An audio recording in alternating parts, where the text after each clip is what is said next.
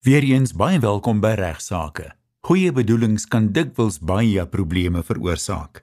Igna bespreek 'n geval waar ouers 'n huis gebou het op 'n erf wat in hulle dogter se naam geregistreer was.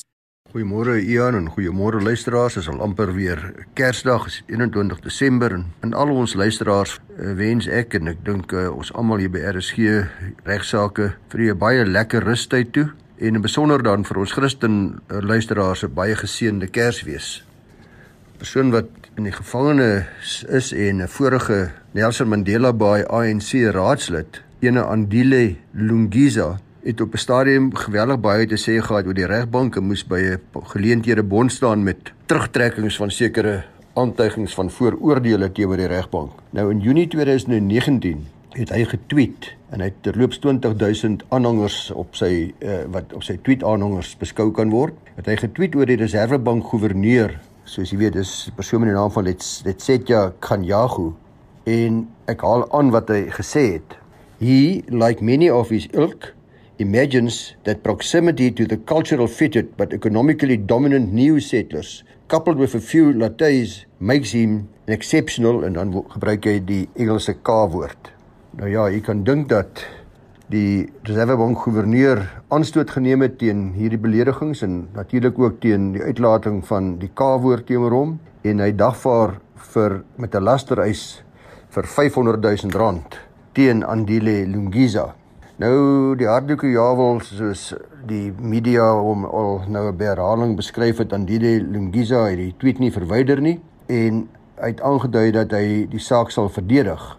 Die saak is uiteindelik in die Port Elizabeth Hooggeregshof geplaas en so 'n paar weke terug is hierdie saak afgehandel en 'n skikkingsooreenkoms is by die hof geliaseer en 'n hofbevel gemaak.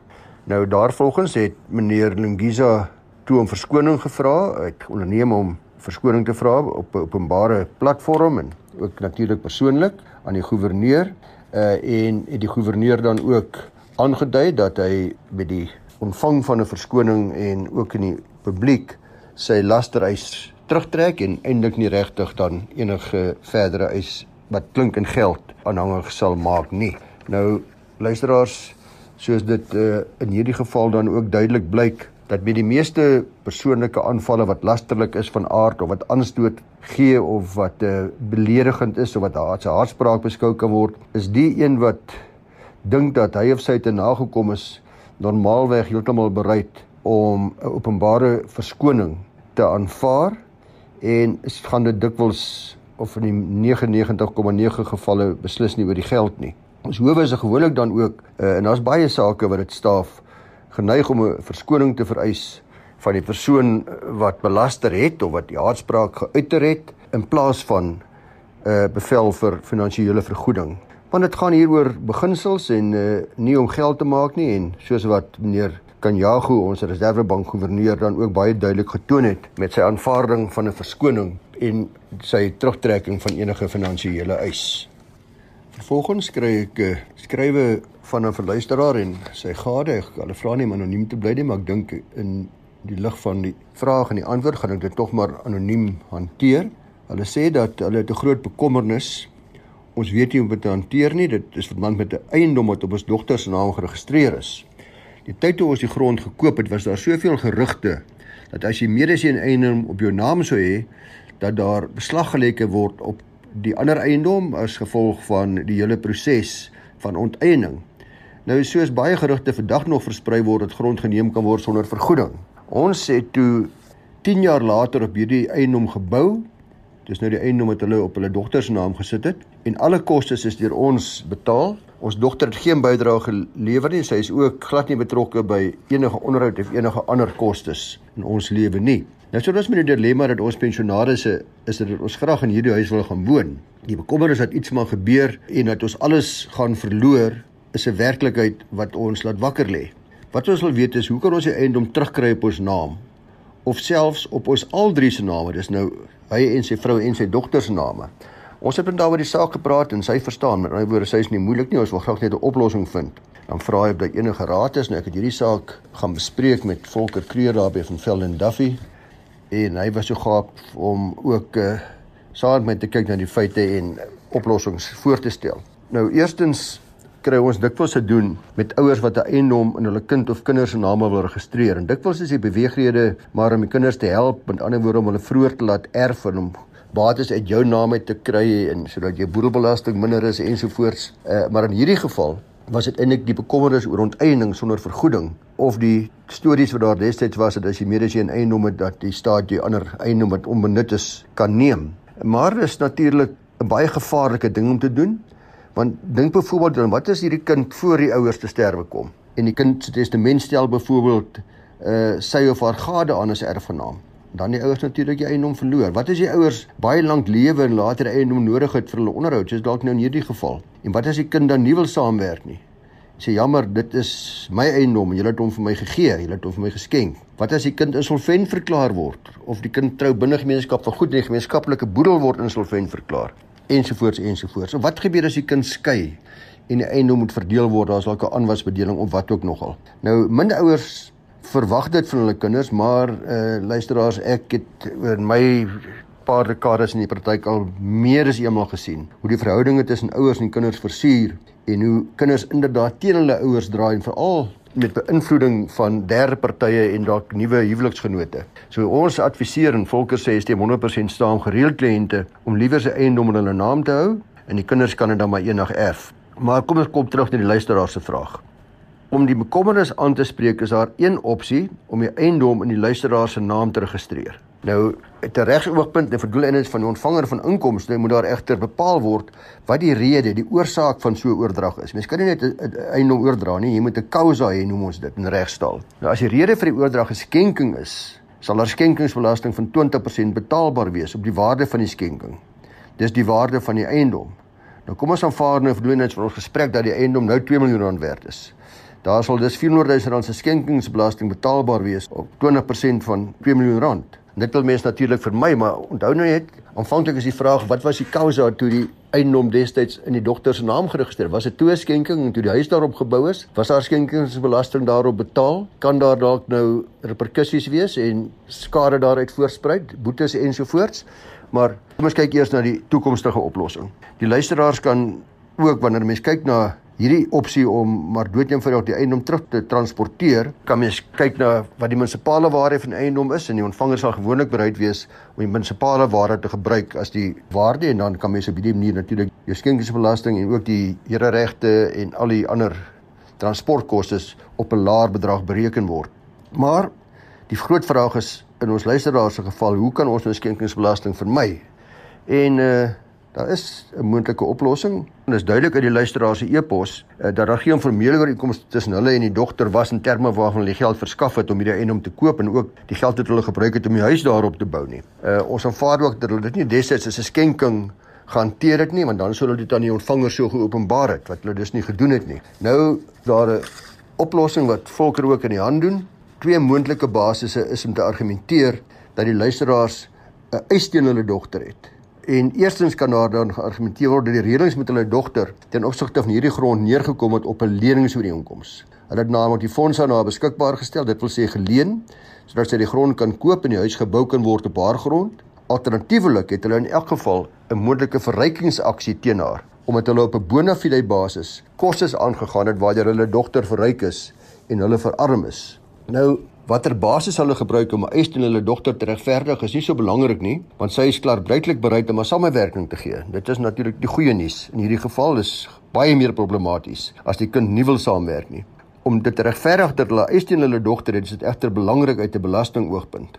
Die luisteraars sal dan maar sommetjies moet maak met behulp van hulle ouditeur of hulle prokureur om hulle eis teen hulle dogter te kwantifiseer. Hulle kan dan by bedrag uitkom wat naby is aan die huidige waarde van die eiendom. Kom ons sê nou maar hulle kry dit reg om die balans op ongeveer 2 miljoen rand vas te maak tussen alles wat hulle in die huis spandeer het ensovoorts. Hulle kan dan oor die inkomste met die dogter aangaan. Vervolgens hulle die eiendom dan vir hierdie 2 miljoen rand vanaf haar koop op die basis dat die koopprys by wyse van skuldvergelyking gedelg kan word. Ons koop dit vir 2 miljoen rand, jy skuld ons reeds 2 miljoen rand. Nou hierdie skuldvergelyking is deurdat die 2 miljoen rand wat sy dan skuld afgespeel word teen die 2 miljoen rand wat as koopprys deur haar verskuldig is, Uh op hierdie manier word daar dan geen skenkingsbelasting betaal nie. Maar as die bedrae nie bymekaar uitkom nie, uh, byvoorbeeld as die dogter byvoorbeeld die waarde van die eiendom baie meer is as dit wat hulle spandeer het in die huis en die erf, as daar een of twee ander opsies het hulle kan oorweeg om skenkingsbelasting te vermy. Hulle kan byvoorbeeld ooreenkom dat die verskil op aanvraag betaalbaar is. En onthou dan ook dat die dogter kan 100 000 rand per jaar belastingvry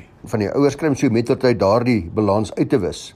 Nou volgens die huidige belastingwetgewing sê Volker vir my kan 'n belastingbetaler naamlik 100 000 rand per belastingjaar belastingvry. Dit wil sê 20% skenkingsbelasting is nie betaalbaar nie. Skenk. Nou dit geld per gade. So gades kan dus saam 200 000 rand per belastingjaar belastingvry skenk. Nou verder die dogter behoort ook so gou as moontlik na testamente bepaal dat hulle die balans van die koopprys erf en nie sodat voor hulle te sterwe kom en indien hulle niks anders gaan doen nie maak seker dat sy dadelik in haar testament dat die eiendom aan hulle vererf. 'n uh, Nog 'n opsie sou wees om 'n persentasie belang in die eiendom nog steeds in die dogter se naam te laat. So hulle sê ook sê hulle gee nie om as die dogter deel van die eienaars is nie. Nou daardie persentasie kan dan ook gelyk staan wees aan die verskil in die twee syfers, dan moet die bedrag wat sy geleen het en die bedrag wat die waarde van die eiendom is. Nou die laaste moontlikheid luisteraars wat gebruik kan word is om met 'n vruggebruik op die luisteraar se naam te registreer.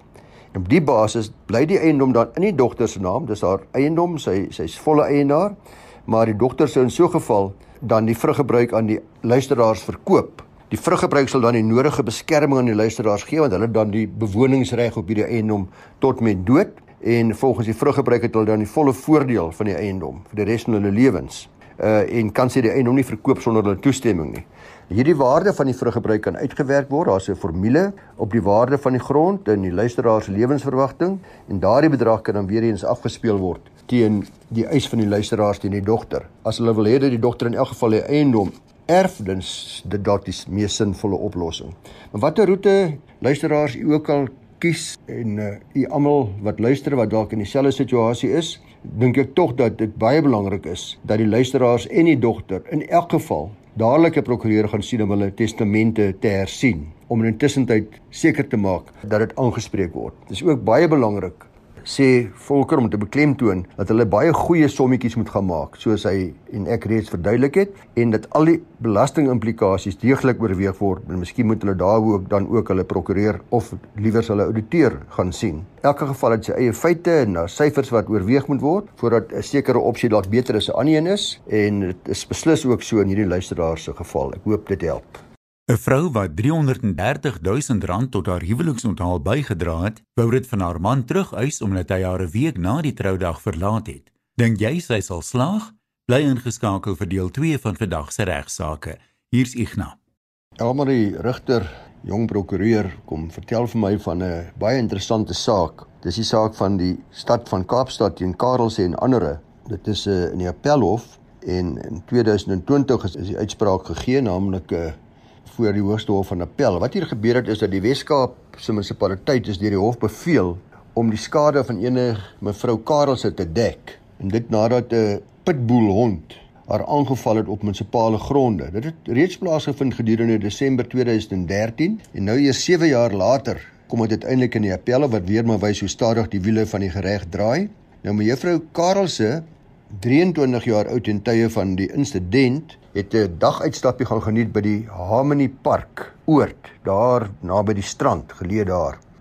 Sy was besig om te swem en met 'n bal in die swembad te speel toe daar skielik 'n pitbull hond in die water spring en op haar afpyl en haar ook byt. Sy het aanvanklik gedink dat die hond met die bal wil speel, dat die bal soek. Hy het onmiddellik van die bal probeer ontslaa raak om vir hom te gee, maar dit blyk toe nie die geval te wees nie. Ongelukkig met haar geskree en gespartel daar in die water, was die hond natuurlik meer verboureerd geraak en dit het gelei tot verdere erge aanval.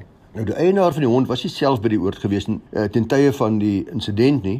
Die hond was by die oord saam met 'n seun. Ek vermoed ek kan dit nie mooi in die hofsaak kon agterkom nie, maar ek vermoed dis die eienaar van die hond se seun, maar kan dit nou nie bevestig nie. Die seun het die oord betree met hierdie hond wetende dat honde verbied word by die oord. Het ook die hoofingang van die oord vermy want daar by die hoofingang staan dit baie duidelik dat daar nie honde toegelaat word nie, maar hy die oord betree deur een van die onbemande ingange.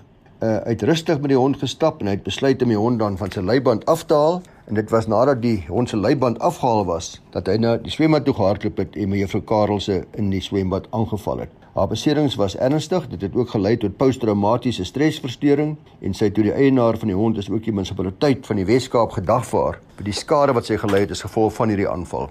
Nou, sy het hierdie aanspreeklikheid van uh, die eienaar van die hond gebaseer op 'n aksie wat ek al met u bespreek het, die sogenaamde Actio Dei Pauperi. Dis 'n skuldlose aanspreeklikheid. Die blote feit dat ek en jy die eienaar is van 'n troeteldier en dat die dier soos in hierdie geval die hond buite sy aard opgetree het, hou dan die eienaar aanspreeklik vir die skade wat gelei is op die basis dat daar geen uitlokking was nie en in daardie geval moet opset en of nalatigheid hoef glad nie bewys te word nie, 'n skuldlose aanspreeklikheid. Blote eienaarskap van die hond maak jou aanspreeklik. Sy het ook uh, die munisipaliteit gedagvaar uh, as 'n verweerder vir die skade wat sy gelei het en daar het sy uitgebaseer op die plaaslike bestuur se versuim om hulle regsblik na te kom om haar te beskerm by hulle openbare oord. Tydens die verhoor het dit duidelik gebleik dat die munisipaliteit wat die eienaars is van daardie oord, dit is nou die Harmony Park oord, maar by die strand dat hulle nie die nodige en redelike stappe geneem het ten einde die veiligheid van hulle besoekers te verseker nie. Alhoewel die oord wel borde op het wat honde verbied, het hulle steeds nie seker gemaak dat daar wel nie enige diere by die oord toegelaat word nie. Verder was hulle ook bewus van die feit dat die oord by sekere dele glad nie omheind was nie. Met ander woorde, daar was geen beheer oor wie kan inkom en wie mag uitgaan nie. Dis dan ook waar hierdie seun met die hond ingekom het en hulle was bewus daarvan dat baie besoekers hierdie oord betree het, maar tog het hulle geen sekuriteit by daardie onomheinde gebiede gehad nie. Daar was dan ook wel sekuriteitspersoneel wat vir die munisipaliteit gewerk het en wat wel die oor gepatrolleer het, maar nie een van hierdie beamptes het die seun met hierdie pitbull uh gekeer of gevra om die oor te verlaat nie. Nou die hof bevind dit dit was as gevolg van hierdie versuim van die munisipaliteit en sy werknemers dat die munisipaliteit verantwoordelik is vir die skade van mevrou Karelse. Daar is 'n versuim, daai late stel nalatigheid daar. Uh, en ook in hierdie geval is die eienaar van die hond ook gedeeltelik aanspreeklik gehou vir die skade op grond van die acte de paperi, die skuldlose skade, maar daardie skade uh, toe ek hierdie saak gelees het, is nou nog nie gekwantifiseer nie en dit sal nou nog gedoen word. Maar hierdie saak luisteraars, die maar net weer eens en ek het al soveel van hierdie sake oor die jare heen gehanteer uh, as 'n groot waarskuwing vir ons almal wat diere eienaars en diere liefhebbers is om tog maar te verseker dat u hond nie 'n gevaar vir ander inhou nie en nie in 'n omgewing kom sonder behoorlike beheer waar hy gevaar vir ander mense kan wees nie. En dit dien ook as 'n besliste waarskuwing vir alle plaaslike bestuur om te verseker dat hulle openbare oorde behoorlik in stand gehou word en dat die nodige maatreëls, soos byvoorbeeld omheinings, in plek gestel word en toegepas word en dat toegangsreëls behoorlik nagekom word. Om dit versuim om dit te doen, kan dus tot aanspreeklikheid lei. Die publiek is geregtig om beskerm te word teen beserings of skade en uh, as al luisteraars is uh, wat dalk kan vir my help dalk by juffrou Karel se self eh, of mense wat haar ken om vir ons mettertyd te laat weet hoeveel skade die twee verweerders moes opdok. Dit sal ek waardeer. U kan dit stuur na igna by vvd.co.za. Dan nog 'n saak wat ek glo en hoop vir ons luisteraars ook baie interessant sal wees. Hier in Augustus 2020, 'n paar maande terug, het deur die Hooggeregshof van Johannesburg aangehoor. Ek hou dit ook maar anoniem alhoewel dit natuurlik openbare kennis is. Hierdie hofsaak is vir almal om daar te lees. Ek sal nie graag verdere verleentheid vir die partye wil veroorsaak nie. So kom ek sê net 'n jong bruid het haar man gedagvaar vir terugbetaling van die gelde wat sy sy spandeer het op hulle huweliksdag. Natuurlik vir die huweliksonthaal. Sy het hom verder ook gedagvaar vir die vernedering wat sy ondergaan het na haar kort na hulle huweliksdag gevra het om die huis te verlaat. Nou luisteraars, hierdie paartjie was vir ongeveer 2 jaar en 8 maande saam hoe die jong mense praat van saam. Dit beteken hulle was in 'n liefdesverhouding uh waarna die man die vrou toe gevra het om te trou en die man het gedurende die loop van hierdie verhouding en ook met die verloving sy liefde vir hierdie vrou verklaar duidelik en uitdruklik en hulle was gereed en opgewonde om hulle lewens saam te spandeer as 'n getroude paartjie hulle toe getrou buite gemeenskap van goedere. Prokureur gaan sien 'n huweliksvoorwaarde kontrak opgestel met behoud van die aanwasbedeling en klaarblyklike baie suksesvolle baie aangename in 'n asemrowende troudag gehad. Ingesluit het die seremonie en alles wat daarmee saamgaan. Die troudag was so aangenaam en so suksesvol dat dit die bruid ongeveer 330 000 rand uit die sak gejaag het wat sy spandeer het. Binne 1 week na die troudag het die man die vrou skielik eensklaps vreemd begin hanteer. Hy was met haar geïrriteerd uh, en hy het haar begin verkleineer. Die respek wat hy tot 'n week terug met hulle huweliksdag gehad het, het skielik nie meer daar nie. Dit was by die deur uit. Hy het ook vir haar gevra om eerder die gemeenskaplike woning te verlaat. Hy het baie duidelik gemaak dat hy nie verder belangstel om met die huwelik voort te gaan nie en dat hy dink die huwelik het wat hom betref verbrokkel en hy wil dit ontbind by wyse van 'n egskeiding. Dit het tot die vrou se kennis gekom uh, deur middel van ander mense dat die man reeds ten tye van hulle verloving vroeër voor die huwelik nog oortuig al daarvan was dat hulle verhouding nie sou werk nie en dat dit eintlik reeds verbrokkel het. Hy het geweet dat hy nie meer met haar wil trou nie, maar hy het dit nooit aan haar geopenbaar nie. Ek weet nie hoekom nie. Hy dalk net nie die moed gehad nie. Ek ons sal nie weet nie. En uh, sy het hom gedagvaar vir hierdie bedrieglike wanvoorstellings. Hy het toe die huis verlaat soos hy gevra het en hom toe gedagvaar vir die wanvoorstelling wat hy gemaak het wat daarin toe gelei het tot die sluiting van die huwelik en veral die gevolglike skade wat sy as gevolg daarvan gelei het. Sy twee eise ingedien. Eerste eis was die terugbetaling van die gelde wat sy spandeer het op hulle troudag. Dis die 330 000 rand wat ek vir u genoem het. Sy het die eis gebaseer op die man se bedrieglike wanvoorstelling en gesê dat sy nie daardie geld sou spandeer nie. Dit spreek van self. Indien die man nie hierdie bedrieglike wanvoorstelling gemaak het nie, dit was dus 'n delektuele eis vir suiwer ekonomiese verlies. Tydens die aanhoor van hierdie aangeleentheid het die Hooggeregshof hierdie eis sommer dadelik se muur van die hand gewys en beslis dat alle huweliksgenote, dis nou maar weer 'n lesie vir ons almal, natuurlik die risiko moet verstaan van 'n moontlike egskeiding wanneer mens jouself in huwelik begewe. Die hof het verder gesê dat ons wetgewing met met egskeidings handel, genoegsame voorsiening maak en klomp reëls het in uh, en dit moontlik maak vir regverdige verdeling dat die partye se finansiële verpligtinge nie deur die delektuele reg aangespreek moet word nie maar wel deur die wetgewing wat van toepassing is op egskeidings. So dit kan deel wees van die egskeidingsgeding hierdie moontlike eis wat sy van praat. En hang ook af natuurlik uh, hoe hulle getroud is soos ons nou reeds gehoor het in hierdie geval was dit die aanwasbedeling. Die hof het ook in die verbygaan het genoem dat dit die vrou se keuse was om daardie bedrag geld op haar troudag te spandeer en dat sy met haar keuse moet saamleef.